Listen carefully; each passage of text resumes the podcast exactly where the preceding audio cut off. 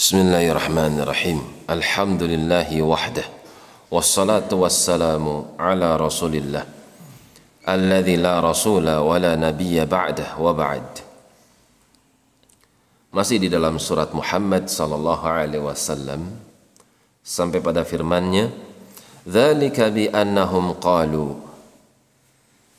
Orang-orang yang lupa dari Allah, dari Quran, dari Rasul berpaling mundur ke belakang setelah nampak padanya kebenaran maka Allah akan biarkan syaitan itu menjadi teman bagi hamba tersebut sehingga syaitan akan mengendalikan dengan tipuan-tipuan bisikan-bisikannya. Kenapa Allah biarkan mereka ditemani oleh syaitan, ditipu oleh syaitan, berpaling daripada agama setelah hidayah, kebenaran nampak di hadapan mereka?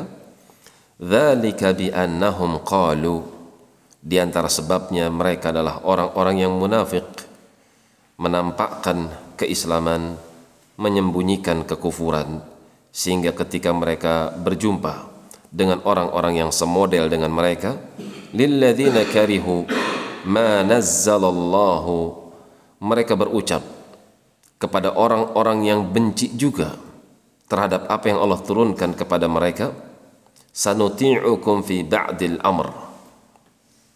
Kami akan mentaati pada sebagian urusan kalian. Munafik berucap kepada Yahudi wahai orang-orang Yahudi kami akan mentaati sebagian daripada perintah-perintah kalian. Kerjasama untuk menjatuhkan Muhammad sallallahu alaihi wasallam wallahu ya'lamu israrahum dan Allah Subhanahu wa taala Maha tahu rahasia-rahasia segala macam bentuk rahasia yang mereka sembunyikan di dalam dada-dada mereka. Fa kaifa idza tawaffathumul malaikatu? Bagaimana pendapat kalian apabila para malaikat-malaikat kami kami perintahkan untuk mencabut arwah-arwah mereka yadribuna wujuhahum wa adbarahum ketahuilah malaikat-malaikat tersebut mengeluarkan arwah dari jasad orang-orang munafik, orang-orang yang benci dengan Quran dengan cara yadribun, memukul wujuhahum, memukul wajah-wajah mereka wa adbarahum dan juga punggung-punggung mereka. Keluar dalam keadaan hina. Dzalika bi annahum ittaba'u ma askhatallah. Mereka dihinakan seperti itu disebabkan karena mereka mengikuti apa yang dibenci oleh Allah. Segala sesuatu yang dibenci oleh Allah justru mereka ikuti. Wa karihu ridwanahu dan sebaliknya. Segala macam bentuk yang diridhoi oleh Allah justru mereka membencinya.